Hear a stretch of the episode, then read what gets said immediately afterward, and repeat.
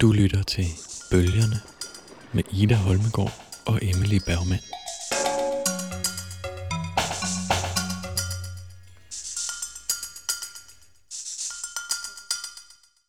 Jeg sad ved bordet med pennen i hånden, da et feberanfald ramte mig som et lynnedslag.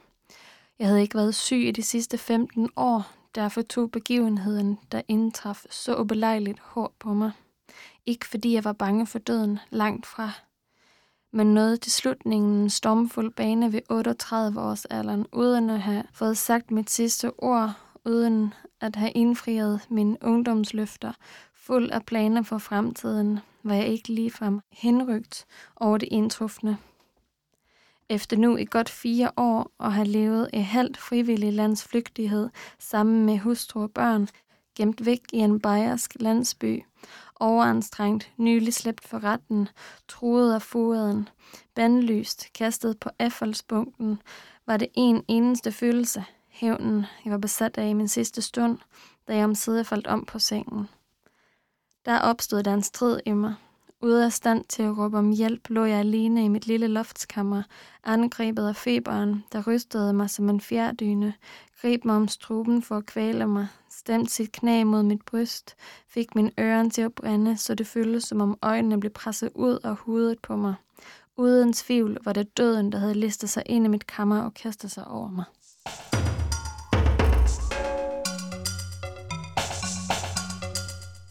Velkommen til Bølgerne med mig, Emily Bergman. Og Ida Holmegård. Vi skal tale om en Doors forsvarstale af August Strindberg. Mm-hmm. Det er en roman om uh, et ægteskab og en skilsmisse. Som udkom i... Den udkom i Sverige i uh, 1914, men den er faktisk skrevet på fransk. Ja, selvom uh, August Strindberg var svensker. Ja, han var svensk, men han levede sådan mange år af sit liv i et halvt frivilligt eksil. Mm. som han jo også nævner her i sit, uh, sit forord, eller sin indledning til værket. Men den uh, blev klar på fransk i uh, 1888, og så udkom den faktisk første gang på tysk i 1893, og så først uh, 95 på fransk, og så uh, 1914 i Sverige i en meget sådan, formildret version. Og når du, siger, oversættelse. når du siger formidlet, altså hvad er det, man skal ligesom hvad er det, der er blevet formidlet, eller hvad er det, man kunne have lyst til at formidle i den her ja, version? altså. Strindberg var jo ikke nogen ven af kvindebevægelsen. Han var kendt som en meget reaktionær debattør i Sverige på det her tidspunkt. Han siger, øh, den udkom der 1914, og øh, i Sverige så fik kvinder stemmeret i 1921. Ikke? Mm. Så man kan forestille sig, at forarbejdet ligesom var øh, meget, meget stærkt på det her tidspunkt. Ja, så man kan sige, i forhold til at være udkommet i mange forskellige lande, og ligesom politisk, og måske egentlig, altså der har på mange måder haft et turbulent liv, ja. den her bog. Både bogen og dens forfatter, vil jeg sige. Ja.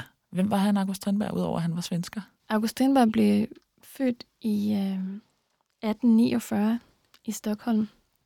Han øh, var virksom både som forfatter, dramatiker og billedkunstner, og er faktisk anerkendt som banebrydende på alle de områder, hvor han var virksom måske mest anerkendt som dramatiker i udlandet.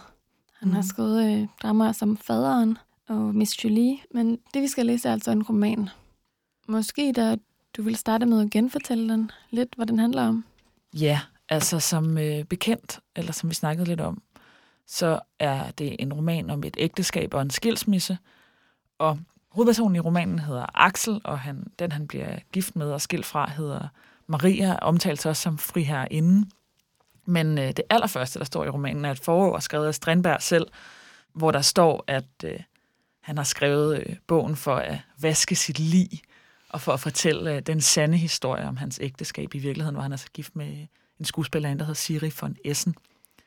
Men, øh, en skuespillerinde og en adelskvinde. Ja. En finsk adelskvinde.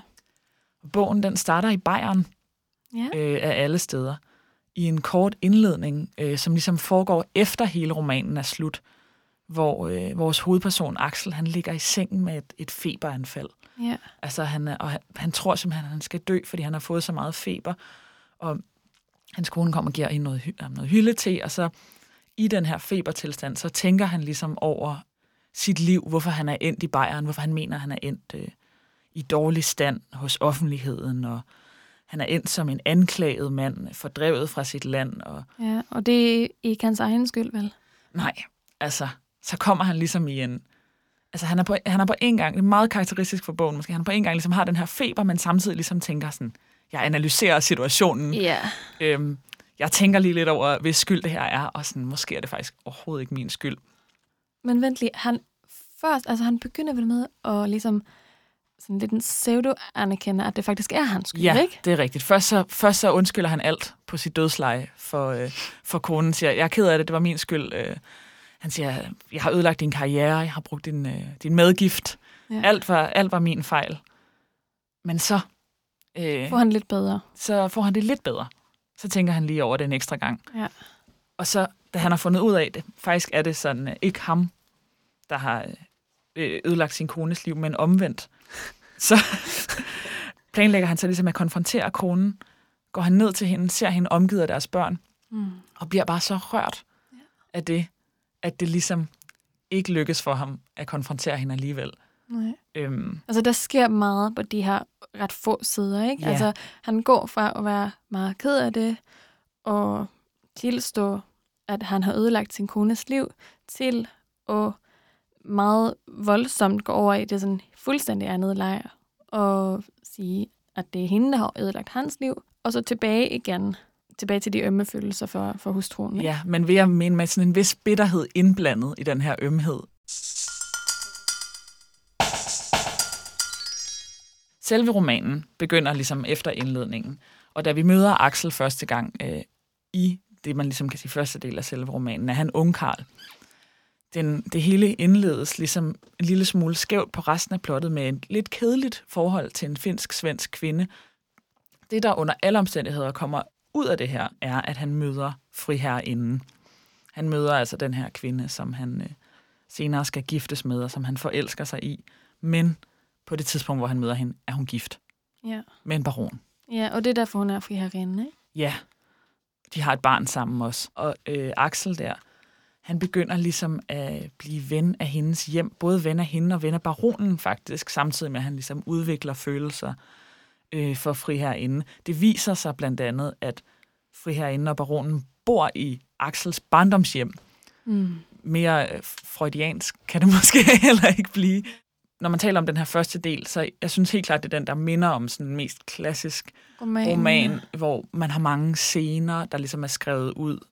Der er forskellige scener, der foregår hjemme i det her baronens og, øh, og friherindens hjem, hvor de begynder at gå til, øh, til selskaber. Han fornemmer ligesom, at de keder sig lidt i deres ægteskab, og sådan trives i selskab med andre mennesker, og derfor blandt andet får ham sådan, som husven. Så sker der, altså han er ligesom blevet ven med dem på et tidspunkt, skal hun til Finland i to uger, og altså jeg vil sige, der er nok også en vis, øh, fornemmer jeg i hvert fald i romanen, en grad af melodrama. Ja. Altså, hun Der er skal en vidunderlig scene der, hvor, hvor hun skal afsted, ikke? Og de Ja. ja. siger farvel til hende. Både baronen og Strandberg bonder ligesom super meget over, sådan, hvor trist de synes, det er, at hun skal afsted i to uger, og de, ej, de vil følge hende med, og så tager de ligesom med op på båden for at sejle med hende ud af skærgården, og de er oppe hele natten, og lover hinanden evigt troskab, alle tre, og øhm, Det siger også noget om, hvilken position han har fået i den familie. Ja, det synes jeg nok.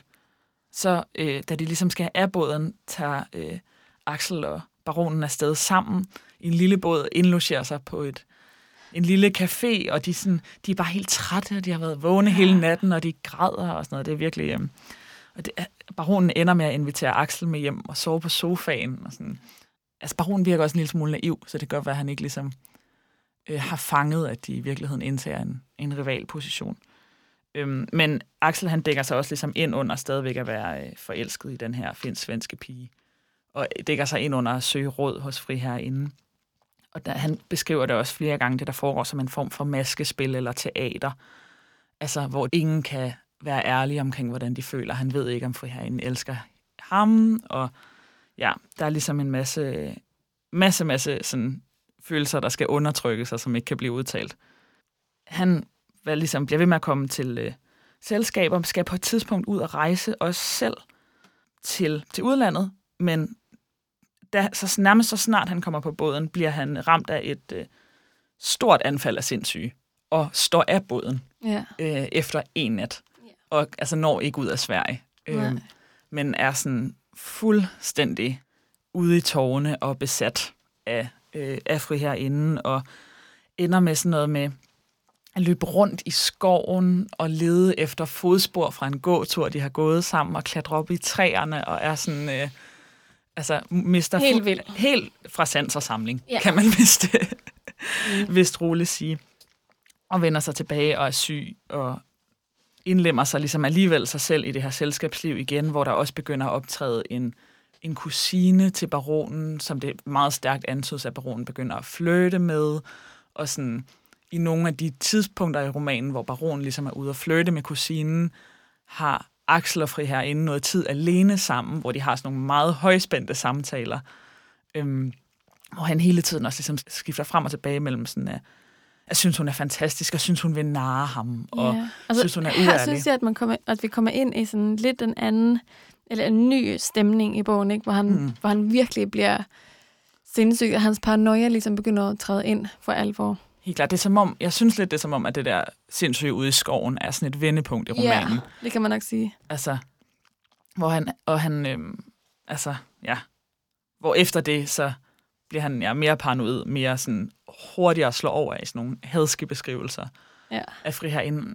Og altså, pludselig er hun helt vildt smuk, og pludselig er hun helt vildt grim og udmagret, og Ja. vækker med lidenhed, skriver han om Og det vender han også tilbage til mange gange, hvor grim hun er, ikke? Ja, og hvor smuk hun er, ja, vender han også meget Og tit hvor tilbage små til. fødder hun har. Ja, men ligesom endelig, endelig, endelig, endelig. Kusinen, baronen er lidt over i et hjørne og flytte med kusinen. De får i nogle breve erklæret deres kærlighed til hinanden. Og så må hun jo, så må hun skilles. Ikke? Udover at, det skal måske også lige sige, som er ret vigtigt i romanen faktisk, at udover at hun udtrykker kærlighed til ham, udtrykker hun også ekstrem øh, frustration med rollen som øh, husmor og husholderske, og vi kan hellere være skuespillerinde. Ja. Og fornemmer man også, ser det måske lidt som en mulighed at forlade et ægteskab, for ligesom at kunne udleve en karriere. Og så øh, Og så kommer sammen med, med Axel, som jo øh, er en forfatter. jeg er anerkendt dramatiker. Ja. Øhm, så hun bliver ligesom skilt, og så begynder der bare maksimale forviklinger, frem og tilbage, baronen, Axel. Baronen, øh. som starter op med ikke at være særlig fred, vel? Altså, han Nej. prøver at, at beholde sin, sin stolthed gennem det her. Ja, helt klart. Altså, man tænker tit om baronen, synes jeg, når man læser den, at han er måske en okay fyr. Ja. Sådan, jeg er lidt, lidt naiv, måske lidt... Øh, Men altså, han gør sit bedste. Ja, han gør sit bedste.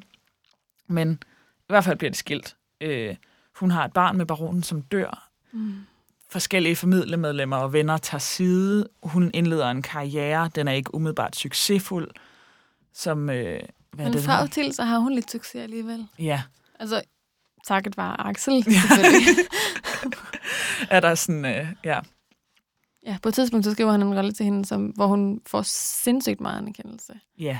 Men man kan sige, der, efter de er blevet gift, er det også som om, at den her foragt, som ligesom løber parallelt med kærligheden til hende, Ja. også blomstrer op. Det er også som om, at også selvom at de bliver gift, og nu egentlig sådan kunne lukke sig ind i en form for tosomhed, hvor det ellers hele tiden har været de her tre, fire persons konstellationer, men så inviterer hun en veninde til at bo hos dem, som sådan Strindberg bare, eller slutter, nu kommer jeg til at sige Strindberg, men det er måske også, altså, Uh, øh, hvad det hedder, som Axel ligesom bare hader, og begynder, han begynder at mistænke, at hun skal være lesbisk, han begynder at mistænke, at hun er utro, øhm, hun får en hund, han hader hunden, men hun elsker virkelig også hunden. hun elsker virkelig også Rigtig, hunden. rigtig meget. Hun giver den de bedste koteletter, og hun tillader den til, altså, den må gerne sove i hendes seng. Ja, Øhm, og han bliver ligesom fordrevet fra hendes soveværelse på grund af hunden. på grund af den ja, men hele hund den og sådan noget. Så hund. han er virkelig, det er virkelig hans øh, rival. Ja, altså det er som om, at han, man kan ikke... Øh, han, han kan aldrig blive fri for rivaler i det her forhold, eller der er altid ligesom lidt for crowded, Ja. og de Hans tager... fremste rivaler er måske hendes veninder, ikke? som han Ja. virkelig ikke kan udstå. Nej, Han er hele tiden bange for, at hun er lesbisk, og hun har forhold, forhold til kvinder. ja. Men samtidig også bange for, at han ikke er far til sine egne børn. Ja. Altså, det er også en... Øh, Det er også Allerede det, i faderen handler om, som er et af hans mest øh, berømte skuespil. Ikke? ja, En mand, der er ved at gå til af uro ja, og paranoia øh, over, at han ikke er far til sine egne børn. ja. Så det er et tema, som kommer tilbage Mm. i hans forfatterskab. Mod slutningen af romanen tager de på forskellige rejser ud i Europa. Det, det, man har en fornemmelse af, at der er den her halvvejs landflygtighed, hvor han sådan dels rejser væk, fordi han vil, og dels rejser væk, fordi han er blevet super upopulær Ja. øh, på grund af nogle ting, han har sagt blandt andet omkring kvindebevægelsen. ja. Øhm, og det er også her, romanen slutter, ligesom, eller i de sidste kapitler, rejser de rundt. Han rejser frem og tilbage. Mens han er væk, holder hun store fester, drikker sig fuld. Jeg synes, han er sådan helt vildt uschammerende. Øhm, hun tager sig ikke ordentligt. De har fået nogle børn også. Og sådan. ja. Hun tager sig ikke ordentligt af dem. Og, Jeg vil sige, at det presser ham mere, at hun er fuld og sådan noget, end at hun ikke er en ordentlig mor. ja, og holder Måske fest. Ikke, og at hun holder fest. Ja. Jeg synes også, altså hvis baronen er en sådan hyggelig fyr, så synes jeg også, at friherrinden virker sej. Altså, eller ja. hun virker ret sådan cool nogle gange, synes jeg. Man kan sige, hun, hun retter sig i hvert fald ikke efter hans, øh, Nej, nej, nej. hans vilje og forespørgsler. nej. Konfliktfyldt forhold. Et meget konfliktfuldt forhold. Hvad med, hvis man begynder med titlen Andorres forsvarstale? Hvorfor Andorre? Ja. Det øh, handler, tænker jeg, måske to ting. Altså både det, som øh, han er ved at gå fra forstanden. Ja. Altså han bliver til en anden øh, i det her ægteskab, i den her relation. Mm. Øh, han kan ikke genkende sig selv. Ja. Han bliver til mange forskellige, synes jeg nærmest. Han bliver til Andorre. Ja. ja. Og så øh, handler det vel om, øh, hvordan han blev betragtet i den her svenske offentlighed, som han øh, flygter fra. Ja, hvor han blev betragtet som, som en dår. Fordi at han øh, ikke syntes, at kvinder skulle have stemmeret og så videre. Han var imod kvindebevægelsen. Han var kvindebevægelsens fjende. Mm. Og Endors forsvarstale. Du har tænkt lidt over forsvarstale, hvad det er for noget. Ja, øh, jeg, jeg har øh, tænkt lidt over, hvad der ligesom er øh, ved den her bog, som gør, at den kan kalde sig en forsvarstale, eller sådan, øh, om den gør nogle forsvarstaleagtige øh, øh, greb i Ja. øh, forskellige steder i teksten. Og først så læste jeg selvfølgelig lidt op på, hvad en forsvarstale er for noget. Ja. Og dens historie, jeg har læst en artikel af to forskere fra øh, Aarhus Universitet, som hedder Esben Nielsen og øh, Sofie Hårkær Madsen. De skriver om forsvarstalen som definition, at det er en offentlig retorisk respons, hvor i taleren gennem forskellige strategier forsøger at genoprette sit omdømme. Ja. Altså at en, øh, en person, der i offentligheden ligesom svarer på en eller anden tiltale, eller svarer på en beskyldning og en anklage. Og øh, noget, som er, er meget spændende, som står i den her artikel, er, at øh, tidligere øh, i antikken, for eksempel Sokrates forsvarstale, var det noget, der foregik i en retssal. Altså umiddelbart i forlængelse af, at der skulle for- fældes en eller anden juridisk dom, men øh, den her øh, artikel mener i hvert fald, at du kunne påstå, at forsvarstalen oftere fra mm, det 20. århundrede, altså lige efter det omkring, øh, vi har Strindberg, begynder at foregå i medierne. Altså begynder at foregå gennem forskellige andre offentlige kanaler. Altså, øh, hvis man tænker på Sokrates' forsvarstale som det ene eksempel, kan man måske tale, på, øh, tale om øh, cykelrytteres forsvar mod dopinganklager til pressemøder som det andet eksempel. Altså, nu er der ligesom mange flere forskellige kanaler, øh, Ja. som man kan benytte sig af. Altså man kan også vende tilbage til, der står det her, øh, en offentlig retorisk respons i den her artikel om, hvad en forsvarstale er, og der er sådan nogle steder i teksten, hvor den ligesom benytter sig af sådan nogle klassiske retoriske greb, som for eksempel pludselig begynder at tale til læseren. Ja. Altså øh, nærmest sådan noget, ladies and gentlemen, Ja. øh, kære, kære mænd, eller kære kvinder, eller... Jeg tænker, at hvis man ligesom skal øh, tænke over sådan, hvis Axel her, eller hvis Strindberg her skal forsvare sig, hvad er det så for en anklage? Der er nogle forskellige øh, punkter, man kan lokalisere i teksten, hvor han taler om, at der er nogen, der, der anklager ham for noget. Altså, der er den her offentlighed, mm. som helt i indledningen anklager ham for at have brugt sin kones medgift, og altså sådan nogle mere sådan skandaløse anklager. Ja. Øhm, han brugte sin kones medgift og have ødelagt hendes karriere. I forlængelse af det øh, anklagen om at være kvindehader, som han også flere gange vender tilbage til, det er sådan meget urimeligt, Ja. at han er, han er anklaget for det her. Og så er der også nogle anklager fra Maria, hans kone, sådan lokalt i teksten, hvor hun øh, øh, anklager ham for, at, at hun ikke må være fri øh, i deres ægteskab og sådan nogle ting. Og så er der også, synes jeg i teksten, mange anklager fra ham selv, mod ham selv, lokalt i teksten. Altså, Ja, du, har du fundet et lille stykke Ja. op? Øh, jeg har Ja. fundet nogle forskellige stykker, øhm, men øh, jeg læser lige lidt fra et sted øh, i indledningen, hvor han først indrømmer sin skyld over for sin kone, og senere øh, måske kommer på bedre tanker. Han siger, hør på mig, inden jeg dør, min elskede. Jeg indrømmer, jeg er en grænseløs egoist. Jeg har ødelagt din teaterkarriere for selv at få en litterær succes.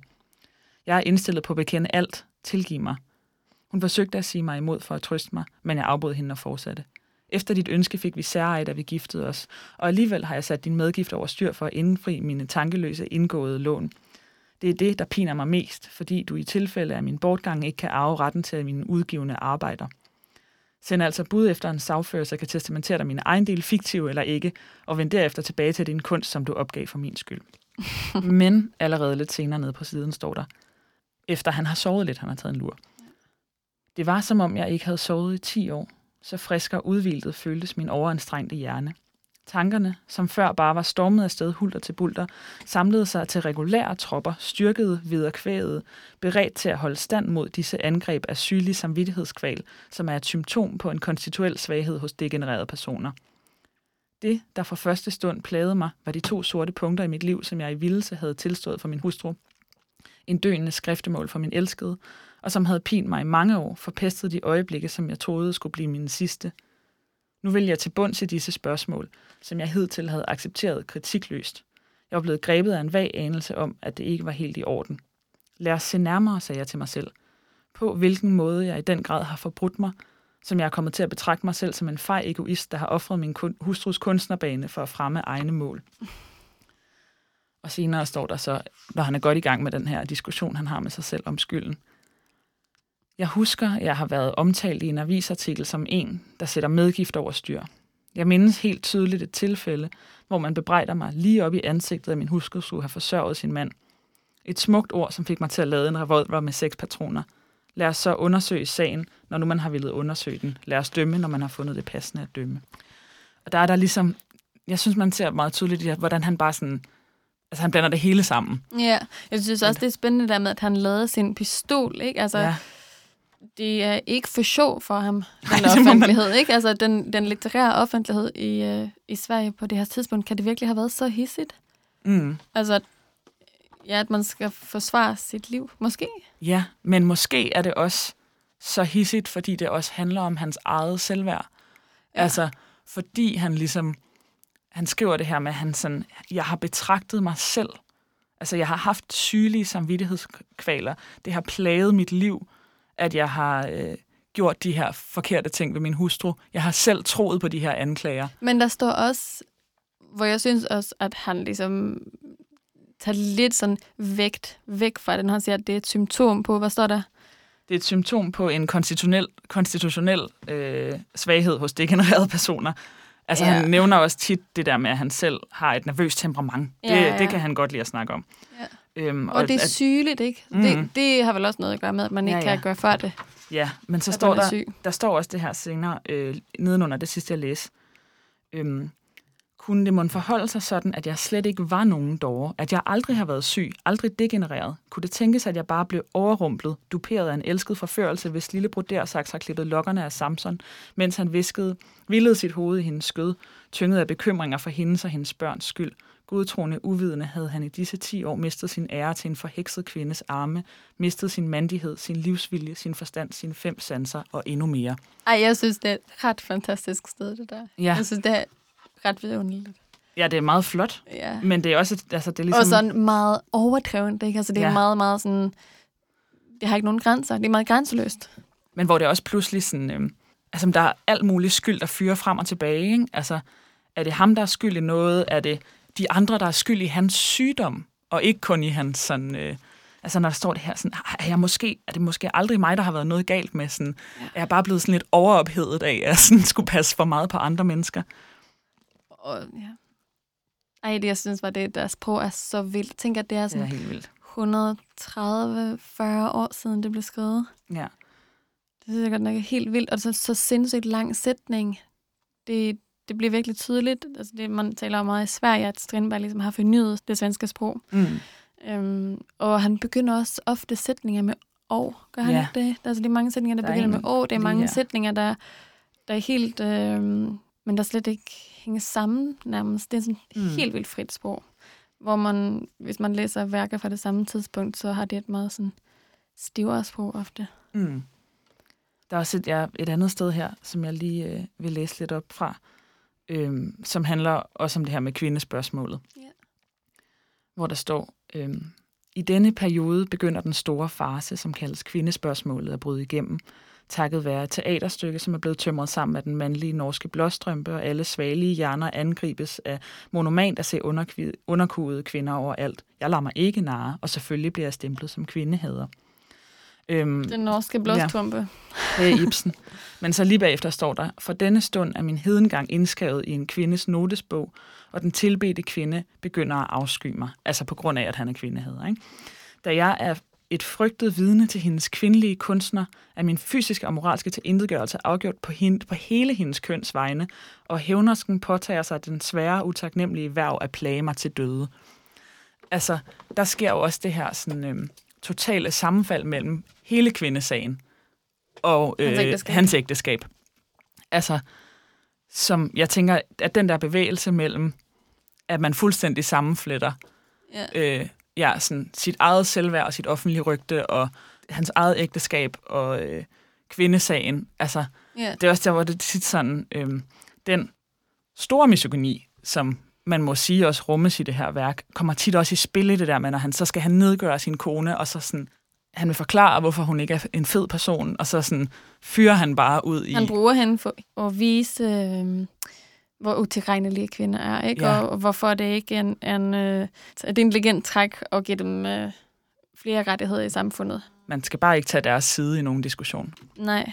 Det går ligesom begge veje. Han bruger både sådan sit had mod kvinder til at give hendes skyld, og sådan hendes øh, problematikker til sådan at give kvinderne skyld. Meget altså, efficient øh, Ja, så man kan sige, at sådan, det, i, i forhold til sådan en, at der, ja, der, det fyrer ligesom med beskyldninger og anklager, men de bliver også sådan hele tiden blandet sammen i forhold til, at man skulle sammenligne det med sådan, ja, en dopinganklage eller sådan noget. Ikke? Ja.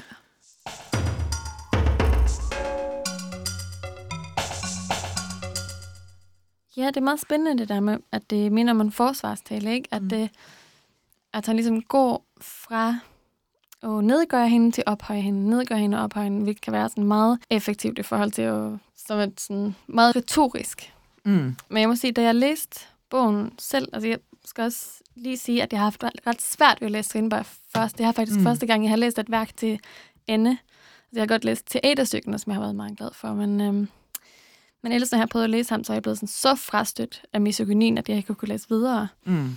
Men øhm, den her skulle vi ligesom læse om, fordi vi skulle tale om den i radioen, ikke? Og sådan cirka halvvejs ind i den, så blev jeg helt vildt forført og kunne ikke holde op med at læse den. Og øhm, det tror jeg øhm, ikke var så meget, fordi at jeg synes, den mindede om en forsvarstale. Øhm, måske fordi, at jeg ikke har den samme interesse i, øh, i øh, strukturelle ting. Men jeg blev meget betaget af den, den fortællerinstans, som er, som jeg blev så meget, meget labil, blevet sådan medrevet af sine egne følelser, og som bare også må have været så sindssygt banebrydende på det her tidspunkt, og ikke engang nu, så kan jeg komme i tanker om en karakter, som er så sindssygt bevægelig, så mm. sindssygt instabil og overraskende. Selvfølgelig, så bliver den måske mindre overraskende, jo længere ind i værket man kommer, fordi at de her mm, bølgebevægelser begynder at ligne hinanden mere og mere, bølgerne bliver mindre og mindre. Hvad tænker du om med bølgebevægelser? Jeg mener, at øh, øh, Ja, det mener man bølge. Den måde, han, øh, mm, han hisser sig op og falder ned, hisser sig op og falder ned, hisser sig mm. op og falder ned. Ligesom med hende i centrum for, øh, altså, ja, altså, for den bevægelse. Ja, præcis. Der står også et sted, hvor, øh, som jeg lagde mærke til, da jeg lige læste op på den igen, at hvor der ligesom står sådan, jeg kan næsten ikke afgøre hendes karaktertræk. Hun er både hård og blid. Og, Han siger masser af sådan nogle øhm, ting, og jeg, jeg hader altså, hende, fordi jeg elsker hende. Nej, men, er... Hvor der ligesom, der er et sted, skal jeg lige prøve at finde det? Ja. Øhm, der er et sted, hvor det ligesom falder sammen, hvor han både sådan siger, at hun er, at han slet ikke selv rigtig kan, eller hvor han ligesom øh, siger det her med, at han kan heller ikke afgøre det sådan i det øjeblik, om han overhovedet synes, hun er sådan, at hun ligesom er alting på én gang. Ja. Øhm, som jeg tænker er ret symptomatisk, altså at nogle gange kan det også bare øh, falde sammen. Ja. Der står, Friherren var den, der gjorde mig mest desorienteret. Da jeg forsøgte at fremkalde hendes billede i min erindring, blev jeg overrasket over de mange forskellige karaktertræk, jeg kunne vælge imellem. Det var sådan det med. Ja. Øh, hjertensko, indtagende, hård, begejstret, åbenhjertig, reserveret, kølig, hæftig, synes hun ikke at lide af tungsind og at være bestjælet af store drømme. Uden at være ubetydelig, uden at være spirituel, gjorde hun et stort indtryk.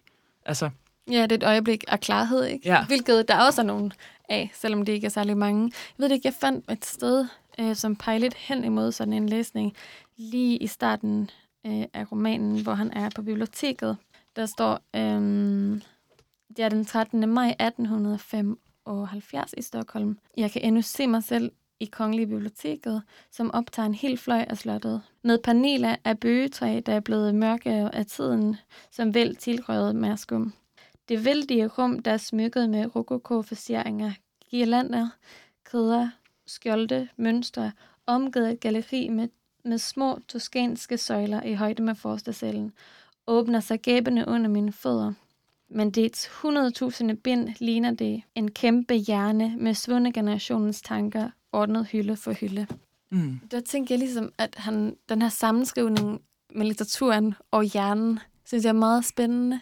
mm, Øhm, altså, hvordan han, jeg oplevede, at han ligesom prøvede at følge en tankestrøm hos Axel. Og jeg synes samtidig, altså, jeg hader misogynin, og jeg, jeg hader virkelig det, det er sådan, jeg ved det, altså, den der forsvarstale-læsning, hvis man ser bogen på den måde, så synes jeg, den er helt vildt frastødende. Mm. hvordan det, tænker du? Øhm, altså, jeg synes bare, det er virkelig ubehageligt at bruge sin egen kone til at hævde, at kvinder ikke skal have stemmeret. Mm, For ja. eksempel, eller sådan at bruge sin, sit ægteskab øh, til ja, at prøve at fratage kvinder deres rettigheder. Um, jeg synes også bare, at det er sådan... Man kan sige, der er ikke noget... Øh, jeg synes, når man læser den her bog, er der ikke nogen tvivl om, at sådan, fortælleren er ligesom øh, i sin følelsesvold hele tiden. Eller Og måske er ikke sådan- hele tiden. Nej, men og, og, og at der ligesom er en præcision også Ja. i forhold til den sådan total øh, have det alt for, alt for sindssygt, og ligesom at kunne følge rundt i det der logikker, for eksempel, øh, ja, det der, hvor han er ude i, i skoven og løber rundt og leder Ja. efter de har fået, altså sådan, at teksten kan også øh, give sig hen til øh, de ting på en måde, som er sådan, som er meget original. ja. Men samtidig så er der også det her forord, øh, som Strindberg selv har skrevet. Ja, men jeg tænker også forår. Jeg får en følelse af, at foråret og efteråret, eller sådan slutningen, er noget, der er kommet til senere. Altså ikke som en undskyldning overhovedet, men de minder bare ikke om resten af teksten. Jeg synes, indledningen mere end for... Ja. Altså lige præcis foråret er sådan et meget kort forår, hvor der bare står det der Jeg med tror også, sådan, at der står et eller andet sted, at det er kommet til efterhånden, Ja. ikke? Det tænker jeg også, at man måske... Øhm, han ville jo heller ikke have, at den skulle udkomme i Sverige. Altså, Nej. måske har det også været et element af, af fortrydelse. Ja. Øhm, men der er helt... Lige meget. Eller er det lige meget? Altså, Ja, for er det, det, jeg synes også, det, altså det Jeg her må jeg indrømme, det er meget, meget... Altså det er meget svært for mig at blive enig med mig selv om noget som helst om den her bog. sådan har jeg det virkelig også. Og vi har Ja. også ja, snakket lidt om det frem og tilbage, det her med sådan, skal, skal man læse den her bog biografisk? Jeg, jeg synes, at det, øh, når man læser om Strindberg, så står det ofte Mm. sådan, øh, man kan ikke øh, adskille Strindbergs værker fra hans eget liv og sådan noget. Jo, måske Mm. især i forhold til den her bog og den øh, tidligere, han skrev Tjenestekvindens søn, Mm. som man også ofte taler om, handler om hans eget liv. Ja. Øhm, men jeg får altid lyst til at sige, ej, man kan læse, man behøver ikke at læse det biografisk. Tænk, hvis man fandt den, den her tekst øh, i en ørken, og man aldrig havde hørt om Sverige. Altså, Men jeg tænker på en måde, at, at den dobbelthed, eller det, at man hverken kan have lyst til at læse den biografisk, eller rigtig kan udelukke det, rummes i selve værket, fordi den ligesom både giver sin karakter nogle andre navne, men også selv som det allerførste, helt drilleagtigt, peger ud på sådan, ja, det var mig, og sådan ja, ligesom ja, hele tiden forholder sig, øh, eller ikke hele tiden, men sådan, visse steder forholder sig eksplicit til den her offentlighed. Altså det er som om, den heller ikke selv vil kategoriseres, eller ligesom hele tiden selv øh, peger i begge retninger. Men nu kom du lidt ind på det, det her med receptionen af bogen, eller sådan, hvordan Ja. den bliver omtalt, og hvordan man ligesom i læsningen af bogen forsøger at forholde sig til den her misogyni. ja. Altså, Men jeg synes også, det er virkelig svært, fordi mens jeg læser den, så er det også, som om jeg afkræver et, mig selv et svar. Ikke? Sådan, Mm. mm. Kan jeg virkelig tillade mig at, at elske teksten, fordi den er så vild, og samtidig afvise misogynien, som er inde i den fuldstændigt. Ikke? ja. Det, det håber jeg, at man kan. ja, eller at man måske kan Jeg tænker meget sådan, ja, at man kan simpelthen begge dele fuldstændig samtidig. Eller sådan. Ja. Men øh, hvad er det, det er godt, vi skal give den nogle hjerter og stjerner, var? Det er helt vildt godt. Men ved du hvad, Ja. jeg synes faktisk, vi skal læse det der helt vilde stykke op for at få misogynien helt ja. på plads. Skal jeg læse det, eller skal du læse det? Ja, det vil jeg gerne læse det. Du læser det, ja. Ja. Altså øhm, for at få på plads præcis, øhm, og præcis hvor generel den kan være, faktisk. Altså hvor, hvor meget det ligesom er alle kvinder, som den også øh, meget ofte gerne vil skælde ud på. Så jeg læser Emily lige her afslutningen på selve romanen. Ja. Afsluttende påstand. Mand, hvem du end er, bedrag, svigt, snyd, for ikke selv at blive bedraget, svigtet, snydt, indbringe min sag for domstolen, for helt at miste alle og give frit løb for alle, en sindssyg kvindes løgne. En kvinde, der tror, at hun kan tillade sig alt, som lyver, hver gang hun åbner munden, som forvrænger kendskærningen, så alle fejltrinene falder tilbage på den uskyldige. En ulige kamp, som jeg forlader. Og nu, hvor mit væv er til endebragt, rejser jeg for syvende gang ud i intetheden. Til min tilværelse var bygget på løs grund. Og de her dommere, hvis jeg i fremtiden skulle blive ramt af galskab, hvilket kun er alt fortroligt, så drag ikke heraf den, den slutning, at jeg har været ramt før. Blandt ikke årsag og virkning sammen. Og du, der sætter i stand til at dømme, uden at være sat ind i alle omstændighederne, søg beviserne på ægteskabsbruddet, inden du dømmer mig som gal. Og hvis du finder sådanne, hvad der er ærlig nok til at tro, at ægteskabsbruddet var årsagen og vanvittigt påstået eller reelt virkningen. For mit vedkommende tvivler jeg ikke et øjeblik på at udtale dommen skyldig over dette uhyre, som har forvoldt min død for tiden, og jeg anbefaler de her emancipatører, tilhængere af ligestillingen for de to køns moral, at bedømme mandens og kvindens ægteskabsbrud fra de konsekvenser brudet får, hvis det begås af den ene eller den anden part. Og jeg vil anbefale lovgiverne nøje at overveje de konsekvenser, der vil følge af at tildele borgerlige rettigheder til halvaber, lavere stående væsener, syge børn, der ville og gale 13 gange om året omkring tiden for menstruation. Vanvittige under svangerskaber og uansvarlige resten af tiden, ubevidste forbrydere, kriminelle indstilling under dyr uden at vide det. Min historie er afsluttet. Min skæbne fuldbyrdes, og må døden bære mig bort fra dette endeløse helvede. Det kan dårligt blive værre, hva'? Altså, Det kan ikke blive værre. kan Måske, vi. altså, den kan også s- fungere som en sådan instruktionsbog for misogyne personer. ja, ja. Altså, hvordan man ligesom helt kan tage øh, forskellige kvinder og indskrive dem i det her øh, billede. Ja, det er godt nok slemt. det var fuldstændig vanvittigt. Og det er jo også, altså det er jo noget, han ligesom har, det er jo, det er jo ligesom kommet ud i offentligheden på det her tidspunkt, hvor det var sådan et, øh, altså så vildt et emne også, om ja. Kvinder skulle have stemmeret. Samtidig vil jeg også sige, at øh, jeg blev også meget revet med af, af den her bog, og synes, der var virkelig mange øh, meget, meget smukke passager, som jeg virkelig har ja, skrevet af, og øh, været helt utrolig øh, interesseret i sådan, som tekst. Øhm, det vil jeg måske gerne læse et eksempel på, hvis jeg må. Ja. Øhm, for der er noget, den gør, som også er især i den her første del, hvor der er lidt flere sådan, øh, scener og beskrivelser, hvor man fornemmer, at omverdenen eksisterer lidt mere for ham stadigvæk. Ja, til sidst er det ligesom kun den der paranoia, som Ja. løber fuldstændig løbsk med ham. Øhm, men øh, i, starten, hvor, i starten, hvor omverdenen stadig eksisterer, øhm, i nogle steder, hvor, øh, hvor fortælleren ligesom når en eller anden form for ekstase, eller sådan øh, ophøjet sindstemning, eller bare oprevet sindstemning, skifter øh, teksten fra datid til nutid. Ja. Altså den gør øh, brug af sådan en form for sådan dramatisk øh, nutid, som også er sådan øh, ret nyt på det her tidspunkt, hvor øh, har læser et sted, hvor øh, baronen fri herinde og, øh, og Axel er sammen på den her båd, før hun skal afsted til Finland. Jeg læser lidt et eksempel på sådan et skift, der står. Klokken 10 om aftenen næste dag befandt vi os altså ombord på skibet, som lagde fra kaj. Natten var lys, himlen orangefarvet, havet blåt og stille.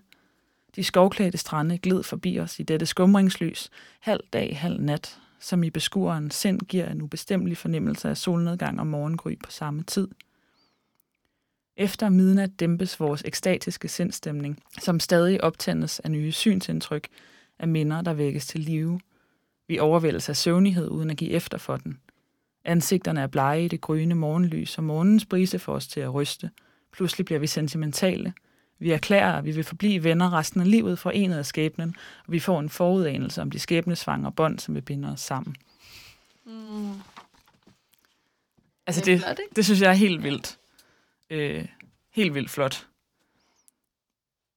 Men ja, det, altså det, det kan den her bog virkelig også, at lave nogle øh, vilde, vilde prosagreb, og have noget sådan, rumme noget enormt smuk, spændende Ja. og nuanceret. Jeg prosa. synes også mange sådan, steder, der hvor han hader hende, Mm. er flotte. Altså, jeg bliver også meget rivet med af den, dem. Altså, jeg tror, at det der med, at, at han ligesom bruger dem til øhm, at retfærdiggøre sin misogyni. Altså, det er det, der lægger lov på det, ikke? Mm. Øh, Ja, når for eksempel står sådan noget halvaber. Ja, altså, ja nej, men det er også altså, ja, men hvor ligesom hendes opførsel bliver generelt for kvinder. Hvor Mm. mm. ligesom gør det til et eksempel for sådan her alle kvinder. Fordi man kan jo godt have et individ, eller sådan, man kan Ja, ja, jo godt være helt gal på nogen.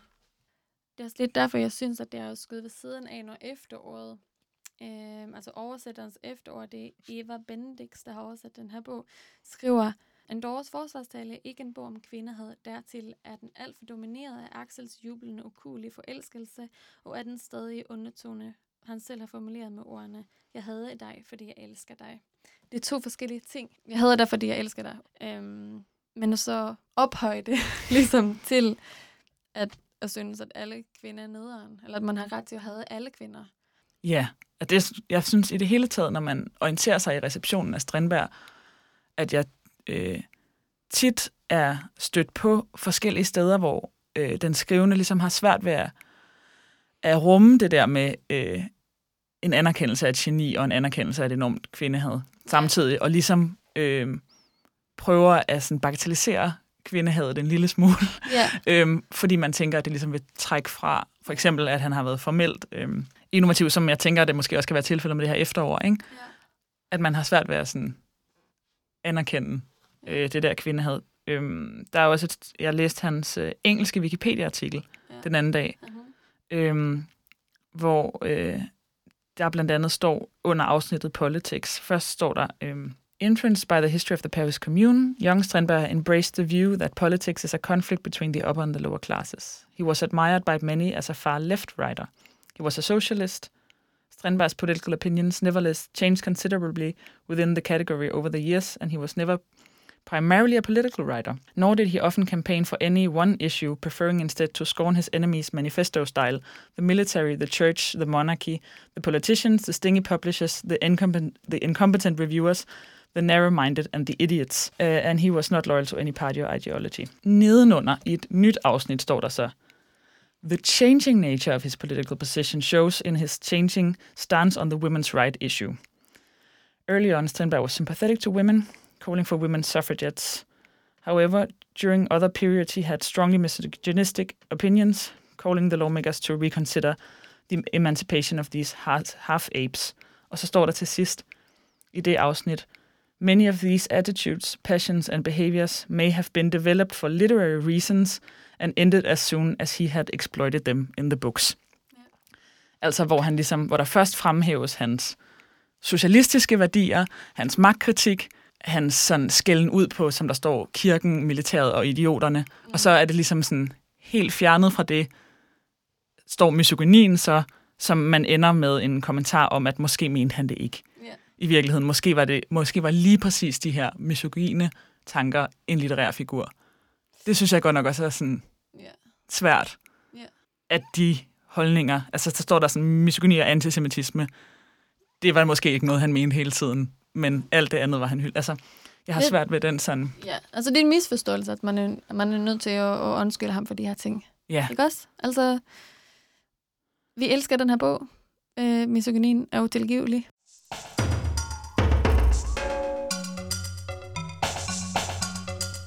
som vi plejer, har vi selvfølgelig taget nogle bøger med, som øh, vi kom til at tænke på, da vi læste øh, August Strindbergs Doris forsvarstale. Ja, jeg har taget øh, Natterskær af Pablo Ambias med. Spændende. Ja, til sidst det var oplagt. Ja. Øhm, jeg har taget Lolita af Vladimir Nabokov med. Ja. Og øhm, Lolita, som jo handler om, øh, om Humbert Humbert, den her ældre mand, som øh, forelsker sig i en meget lille pige på 12 Mhm. år. Øhm, men øh, jeg har taget den med, og jeg tænker bare, at jeg egentlig vil starte med at læse op af forordet, Mm.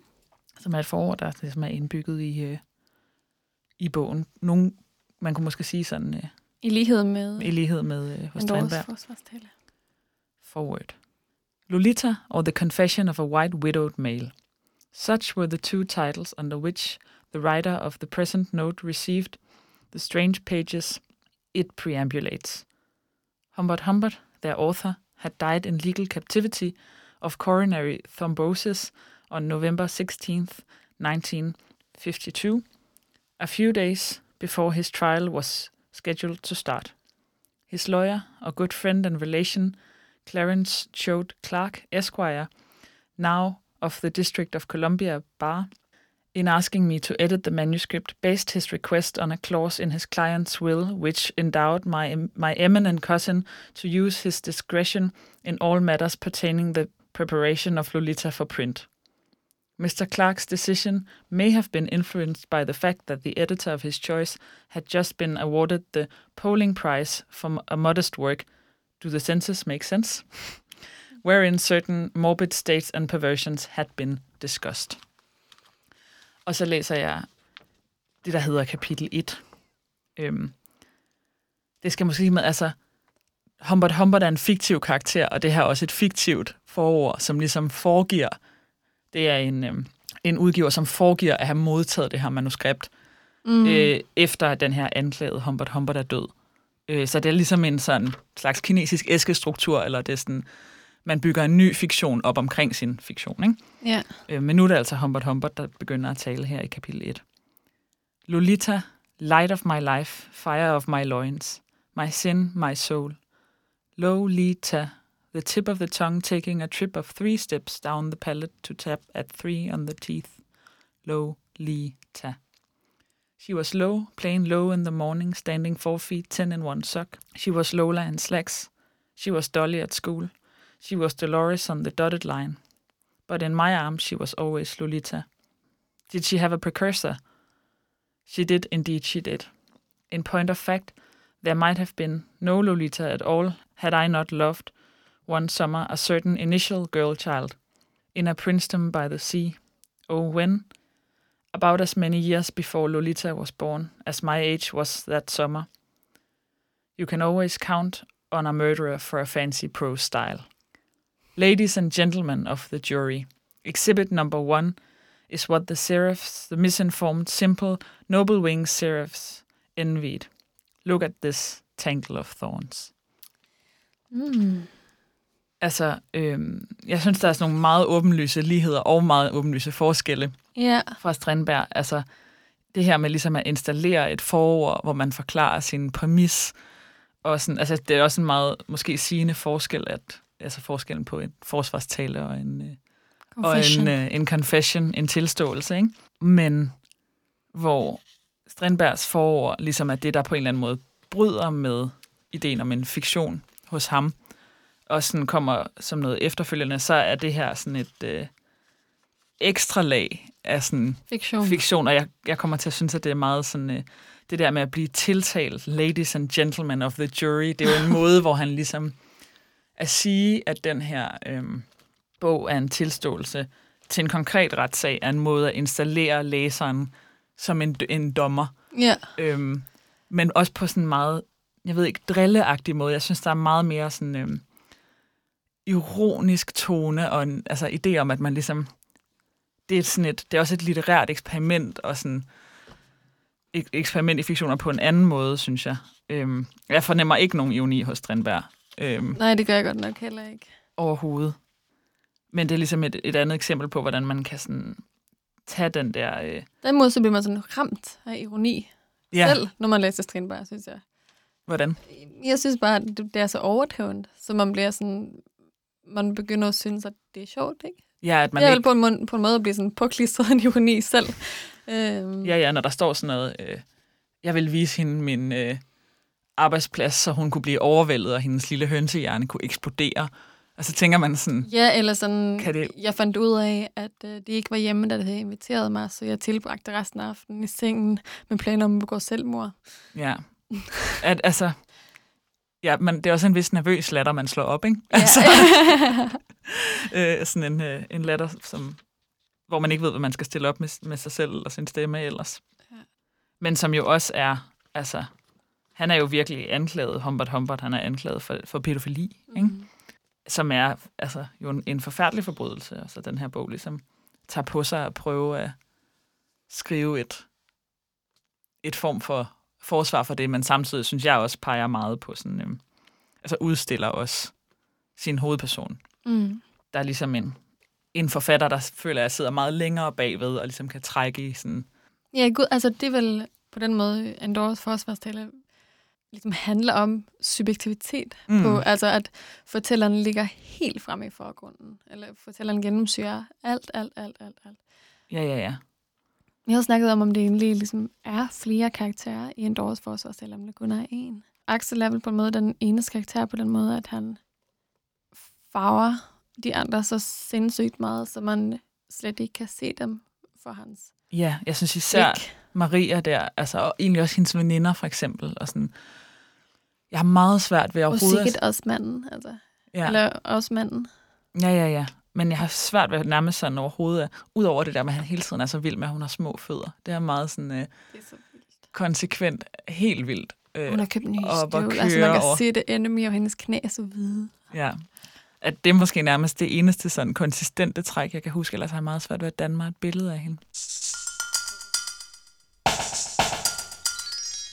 Jo, måske vil jeg også lige prøve at, øh, at nærme mig en lille smule, at altså begge bøger er jo nogle bøger, der handler meget om seksualitet, og om at øh, på en gang ligesom skamme sig helt vildt meget over den måde, man vil have sex på, eller er sådan, altså hos Strindberg er det meget noget med, at han ligesom hele tiden beskriver hende som jomfru, Ja.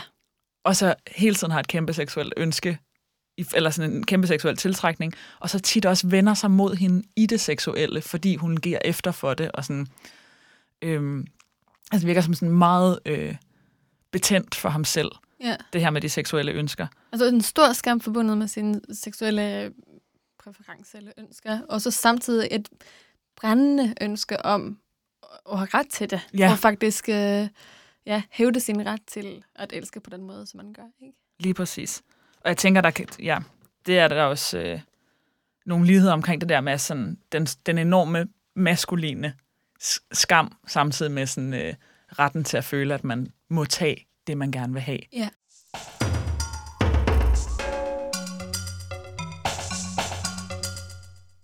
Øhm, jeg læste uh, Natteskær samtidig som uh, jeg læste Andorras forsvarsstille. Den er næsten lige udkommet, uh, nu hvor vi indspiller. Mm. Og øhm, Natteskær har godt nok ikke noget forord, som ligesom peger hen i en selvbiografisk retning på samme måde, som øh, Andorras forsvarstale har det. Men dog så har receptionen af værket, øh, altså modtagelsen af værket, fokuseret ret meget på at sammenligne øh, Pablo Jambias øh, liv med karakteren i bogen. Pablo Jambias var rektor på forfatterskolen og sagde op meget bræt fra den her stilling. Ligesom hovedpersonen i Natteskær siger op fra sin øh, stilling på universitetet. Meget bræt. Og øh, forfatteren og hovedpersonen i bogen blev også gift med en ret meget yngre pige, og blev så skilt fra den her pige ret hurtigt igen. Mm. Opbygningen af den her roman minder også om Andorras forsvarstale på den måde, at for det første så starter den ligesom med sin slutning. Øh, vi møder parret første gang, hvor det ligesom er ved at blive skilt, og så får vi deres, deres forhold genfortalt i løbet af romanen. Og så indeholder den også de her sådan pendelbevægelser, eller de her svingende bevægelser, som vi også har i Andorras forsvarstale.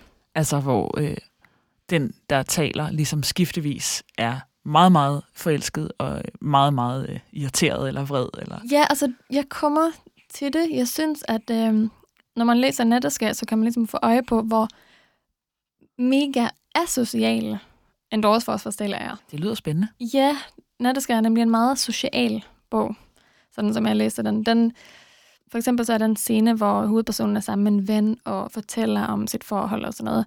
Det er en scene, som jeg ikke kunne forestille mig overhovedet, at en forsvarstale kunne, kunne indeholde.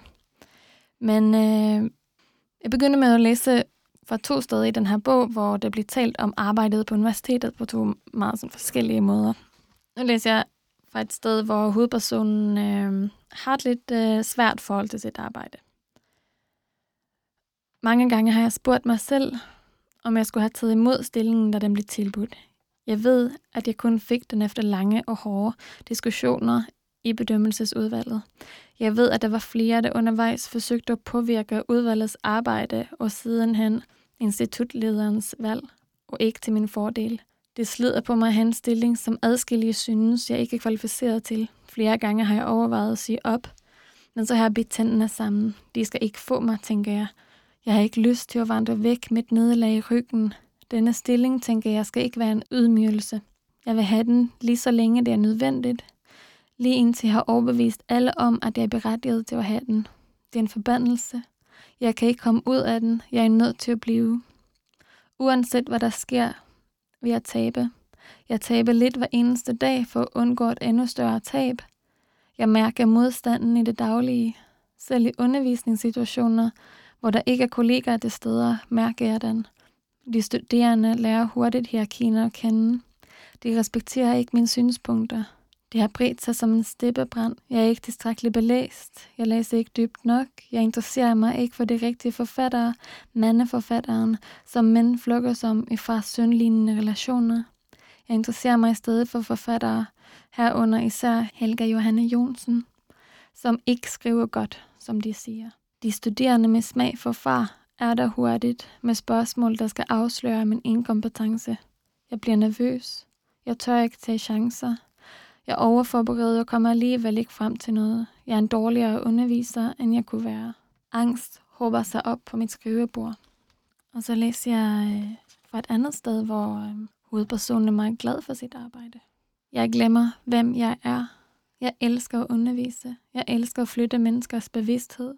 Jeg elsker at se det ske. Jeg elsker, at jeg kan gøre det. Jeg elsker at dele glæden med dem. Jeg vil ønske, at jeg kunne undervise hver en af de håbefulde resten af mit liv. Jeg er ked af, at jeg skal forlade dem, ligesom jeg er ked af, at jeg skal forlade alle andre. Jeg er ked af, at jeg ikke skal se dem længere. Alle de mennesker, der kommer og går i ens liv. Nogle få har man kontinuerlig kontakt med gennem hele livet. Andre bliver i længere eller kortere perioder. Jeg kan mærke disse mennesker, selvom jeg blot ser dem under et foredrag som dette. Jeg vil ikke forlade dem. Jeg er afhængig af dem. Jeg er afhængig af, at vi deler disse ting. Selv dem, der sidder og hænger på bagerste række, deler jeg ting med, selvom de ikke ved det. En dag vil de måske forstå det. Jeg er ked, at jeg skal forlade os dem. Jeg afslutter foredraget. Jeg siger tak, fordi jeg måtte komme. Jeg tager imod en lille klapsalve. Jeg ønsker dem held og lykke med skriverierne. Jeg ønsker dem held og lykke med det hele. Spændende. Ja, men det har en lidt anden tone, ikke? Til at starte med. Mm. Det har bare en sådan lidt venligere tone. Lidt mere. Ja, måske. ja. Øhm, jeg vil også gerne læse noget op, øh, hvor der bliver talt om det her forhold, som, altså, jeg vil sige, mere end at der sker i hovedpersonens hoved, så sker der ligesom nogle skridt i forholdet, sådan, eller forholdet svinger ligesom frem og tilbage. Ja. Ikke ligesom, ikke hovedpersonens blik på sin kæreste. Ja, for det, det, synes jeg, det har vi jo også snakket om, det er meget tydeligt med Strindberg, det her med, at øhm, Det foregår meget i hans hoved. ja, og at han sådan, det der sted, vi læste, hvor han ligesom ser på hende og synes, hun er alting på én gang. Ikke? Ja. Altså, men jeg tænker lige, det du, i det du læste nu, altså der er sådan en, måske sådan en lille, øhm, en lille paranoia til stede i det der med, de stiller mig spørgsmål for at øh, afsløre min inkompetence. Ja, eller det er sådan det. det der lidt... Øh, En hyperbevidsthed, kan man nok sige. Ja, øh, eller sådan en, en stor optagethed af, hvad andre synes. det må man nok sige. Altså der kan man sige, der er jo i hvert fald et Sammenfald. vist sammenfald. Ja. Det sted, jeg læser fra nu, øhm, er et sted, hvor forfatteren er på øh, Christiania sammen med en ven, Ja. og har sms-kontakt med sin kæreste. Og øhm, ja, nu skal jeg lige se, hvad der sker. Det føles rigtigt, siger jeg. Jeg har kun én gang før haft det sådan. Det er all in. Det er rigtig kærlighed. Ok, siger min ven. Er det rigtig kærlighed for jer, spørger jeg. Det skulle jeg mene. Det er selvfølgelig meget, der går op i tøjvask og blæskift med små børn, men vi taler sammen, respekterer hinanden, og jeg føler kontakt med hende, så ja, jeg skulle mene, det er kærlighed. Det er godt, det er jeg glad for at høre. Skal jeg have børn, spørger han. Ja, siger jeg. Wow, siger han. Ja, det er all in. Jeg vil det hele. Det lyder godt, siger min ven. Ja, siger jeg. Det er ikke lang tid til, at musikken skal begynde. Vi går op ad trappen til spillestedet. Det mørke rum åbner sig for os. Scenen til højre, de mange ridsede stole, der er stillet op foran den. Det bærende søjler midt i rummet, der af og til dækker for udsynet baren til venstre. Der sidder mennesker på alle stolene. Det er dumt, vi ikke har reserveret stoler med jakker. Vi går over bag os i rummet. Vi bliver nødt til at sætte os. Halvt læner os op af et fremspring i panelet i siden. Det er ikke til at finde nogen behagelig stilling. Jeg håber, det bliver stole i ledige i løbet af koncerten. Det er Jakob Bro Tentet, der skal spille. Jeg undrer mig over, hvor min ven er stødt på Jakob Bro Tentet. Han har flere CD'er med dem hjemme, siger han.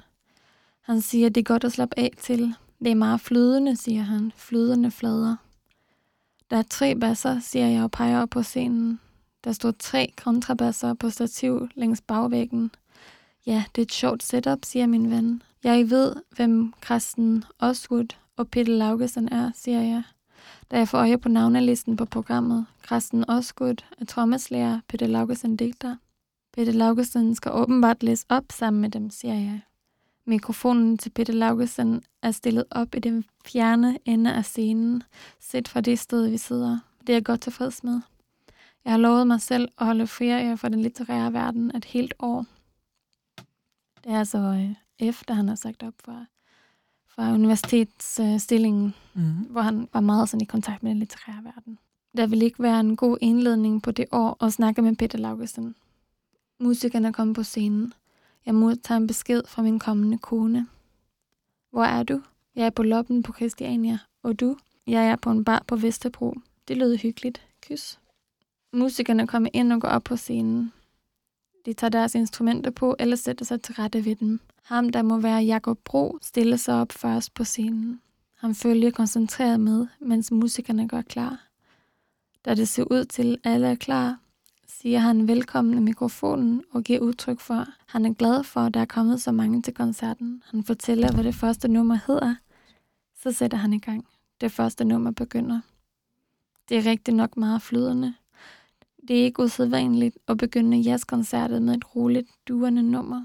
På den måde vender man sig til instrumenterne, til lyden. Kroppen bliver ligesom indstillet på det koncert. Musikerne får varmet deres fingre op.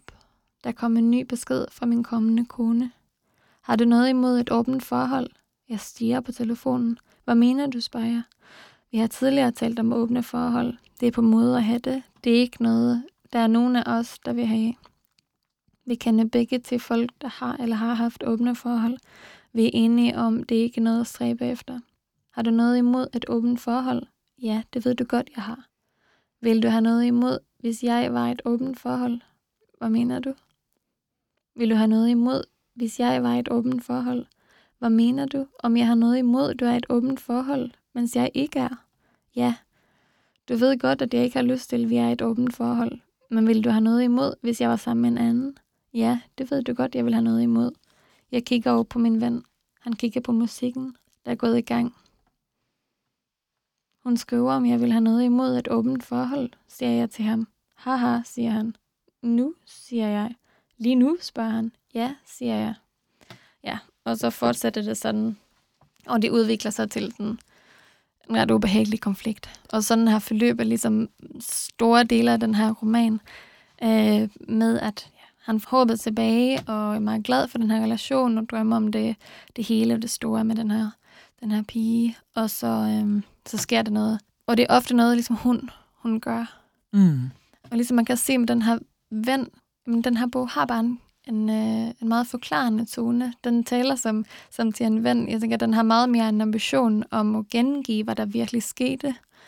Øh, en ambition, som bliver, i hvert fald bliver sværere og sværere og sværere i, øh, i en dårlig forsvarstale.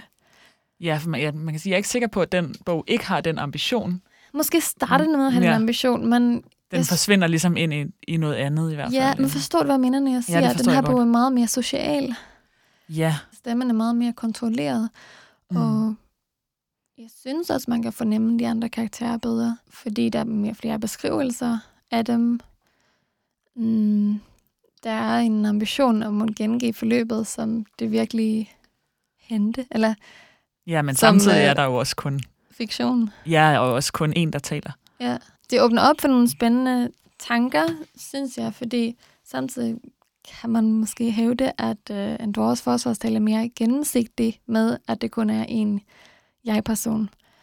Um, Man er ikke i tvivl om det idiosynkratiske Nej, præcis. i Men standpunktet i hvert fald. Det idiosynkratiske er jo altid til stede, når man taler gennem en jeg-person, ikke? Ja, Og i- hvis vi nu egentlig skal, skal tale om det også, sådan, det er det vel altid, når man skriver, ikke? Altså, når der er en forfatter, ja, så er blikket øh, et.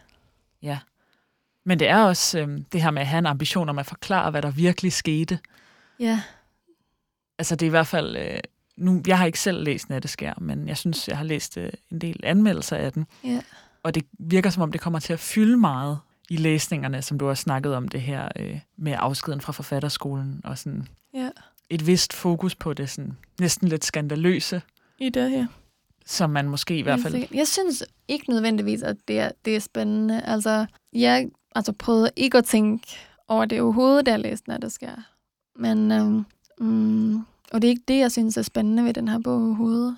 Jeg synes, øh, at det er mere spændende at sammenligne den med Andors forsvarstaler, faktisk. Og, og øhm, ja, se, hvordan jeg-personen i den her bog fungerer, og hvordan den er... Jeg tror ikke, jeg vil have tænkt på det der med, at, være, med, øh, at en bog kan være social. Mm-mm.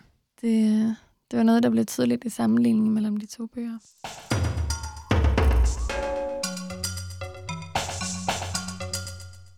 Nu har vi snakket om øh, Andors forsvarstale, og også snakket om det her syn på kvinder, som ligesom er svært at forlis med. Ja, det, Øhm. det må man nok sige. Det må man nok sige. Og øhm, jeg tænker bare på, at vi har snakket meget om den her konflikt mellem, at man synes, at et værk er sådan formelt spændende og, øhm, Ja, og interessant, men samtidig er der de her sådan trælse kvindeskildringer. Og Det, man kan måske lige knytte en kommentar her til sidst til, at sådan, jeg synes ikke, det er nogen sådan, selvom det er en meget ekstremt tilfælde med Strindberg, synes jeg ikke, det er nogen sådan ny øh, oplevelse overhovedet Øh, ikke. i læsningen af sådan litteratur Nej. af mandlige forfattere fra det 20. århundrede, eller tidligere. Altså, jeg synes godt nok tit, at det ligesom er en eller anden form for, jeg ved ikke, om jeg vil kalde det et dilemma, øhm, men måske kan man bare kalde det en, en læsesituation at sidde i, synes jeg, at jeg er sådan, mange af mine sådan øh, rigtig store prosahelte, som jeg Mm. også selv føler mig sådan øh, inspireret af, kan jeg godt blive sådan irriteret på over deres sådan, skildring af kvinder, og derigennem føler man kvindesyn. Altså jeg kan nævne sådan en som for eksempel, altså jeg har læst helt vildt meget J.D. Salinger, øh, mm. Mm.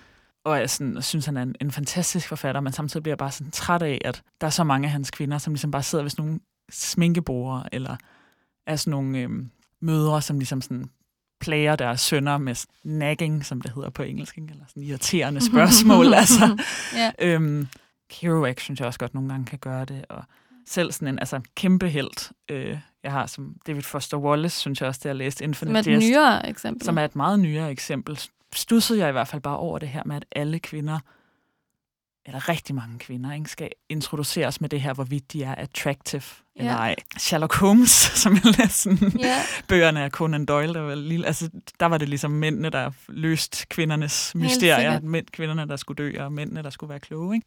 Jeg synes bare virkelig, det er sådan et, en figur, man støder på tit og må sådan forholde sig til, hvad man skal stille op med den der irritation. Eller mange, øh, eller flere af de her eksempler, tror jeg, øh, at man måske umiddelbart vil tænke som en blindhed, der hører til tiden, når det er skrevet. Hvad siger du til det?